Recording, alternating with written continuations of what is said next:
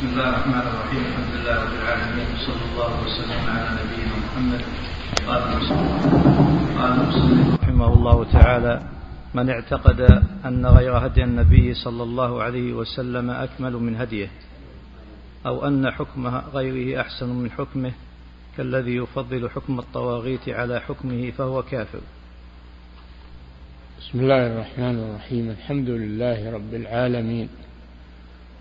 صلى الله وسلم على نبينا محمد وعلى آله وصحبه أجمعين. قال الله جل وعلا أفحكم الجاهلية يبغون؟ ومن أحسن من الله حكما لقوم يوقنون. حكم الجاهلية ما قبل الإسلام. كانت العرب قبل الإسلام في جاهلية جهلة وضلالة عمياء. ليس لهم كتاب وليس لهم رسول ما أتاهم من رسول قبل محمد صلى الله عليه وسلم. فكانوا في جاهلية والعياذ بالله لا يعرفون معروفا ولا ينكرون منكرا. دينهم عبادة الأصنام والأشجار والأحجار.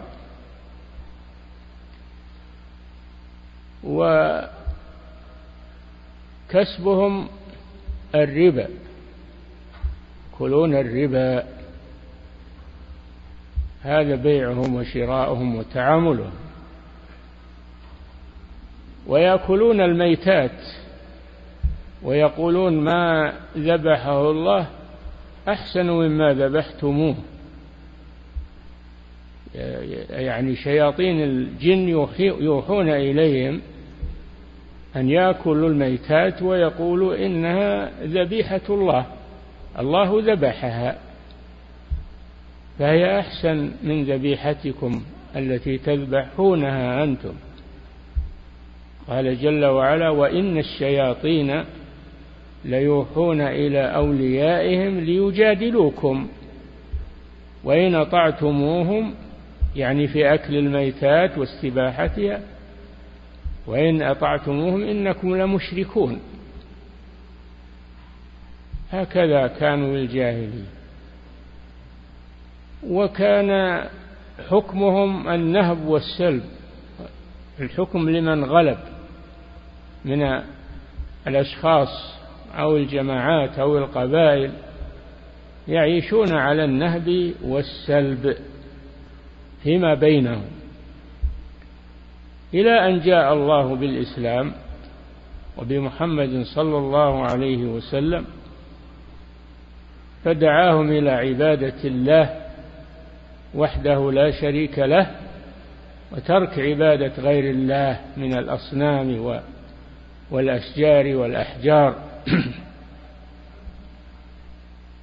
ونهاهم عن أكل الربا وأكل الميتات والمحرمات حثهم على أكل ما أحل الله سبحانه وتعالى. فكلوا مما ذكر اسم الله عليه يعني ما ذبح ذباح زكاة شرعية مما ذكر اسم الله عليه. إن كنتم بآياته مؤمنين. ولا تأكلوا مما لم يذكر اسم الله عليه سواء ذكر عليه اسم الشيطان أو اسم الصنم أو اسم المسيح أو غير ذلك. كل ما ذكر اسم الله عليه غير اسم الله فإنه لا يؤكل. ولا تأكلوا مما لم يذكر اسم الله عليه. وإن الشياطين ليوحون إلى أوليائهم ليجادلوكم وإن أطعتموهم إنكم لمشركون. وهذا دينهم في الجاهلية. فلما جاء الله بالإسلام صاروا أحسن الأمم دينا وتعاملا واجتماعا وصاروا يعني كالشعرة البيضاء في جلد الثور الأسود. يتميزون على غيرهم. بما أورثهم الله سبحانه وتعالى. كانوا لا كتاب لهم. العرب ما كان لهم كتاب. الكتاب لليهود والنصارى. فجاء الله بالقرآن. الذي هو أعظم كتاب. نزل على أعظم رسول. لخير أمة أخرجت للناس. هذا فضل الله سبحانه وتعالى. يؤتيه من يشاء. فمن قال إن حكم الجاهلية يجوز الحكم به وإن القوانين الوضعية يجوز الحكم بها. فإن قال هي أحسن من حكم الله أو قال هي مساوية لحكم الله وأن الإنسان مخير هذا كافر كفرا صريحا والعياذ بالله. كافر كفرا صريحا. أفحكم الجاهلية يبغون؟ ومن أحسن من الله حكما لقوم يوقنون.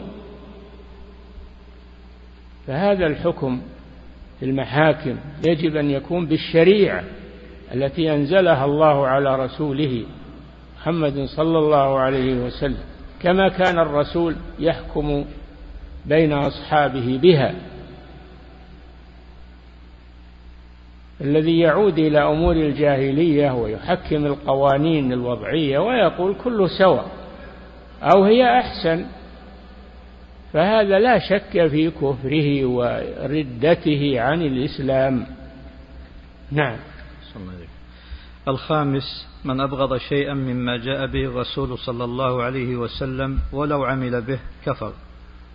الخامس من نواقض الإسلام من أبغض شيئا مما جاء به الرسول صلى الله عليه وسلم. وهذا هذه صفة المنافقين. الذين يؤمنون في الظاهر ويكفرون في الباطن. وهم شر من الكفار المصرحين بكفرهم. فالذي على طريقتهم يقول إن حكم الطاغوت أحسن من حكم الله أو هو مساو له. فهذا كافر لا شك في كفره. نعم. الخامس من أبغض شيئا مما جاء به الرسول صلى الله عليه وسلم ولو عمل به كفر. البغض بغض لو عمل بما جاء به الرسول وساير الناس وقال بعيش مع الناس مثل المنافقين. من أبغض يعني ولو بقلبه ولو لم يصرح. إذا أبغضه بقلبه كفر. ولو لم ينطق بذلك. فإنه يكفر. يجب أن نحب ما أنزله الله على رسوله صلى الله عليه وسلم وأن نعتني به وأن ننشره ونعلمه للناس. هذا الواجب علينا.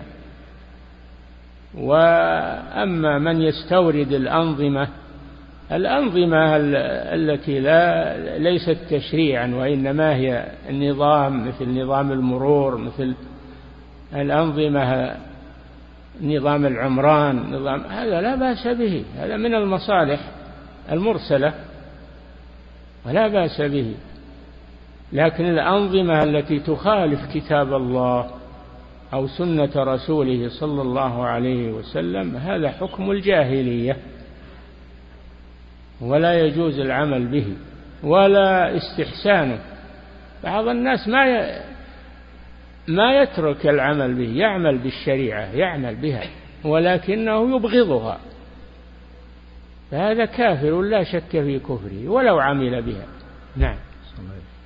السادس من استهزأ بشيء من دين الرسول صلى الله عليه وسلم أو ثواب الله أو عقابه كفر. من استهزأ بدين الرسول صلى الله عليه وسلم ولو عمل به إذا استهزأ به فإنه يكفر. ولو لم ينطق بذلك بل اعتقده في قلبه ولكن يخشى من الناس ويتعايش مع الناس ولا يظهر الاستهزاء هذا كافر.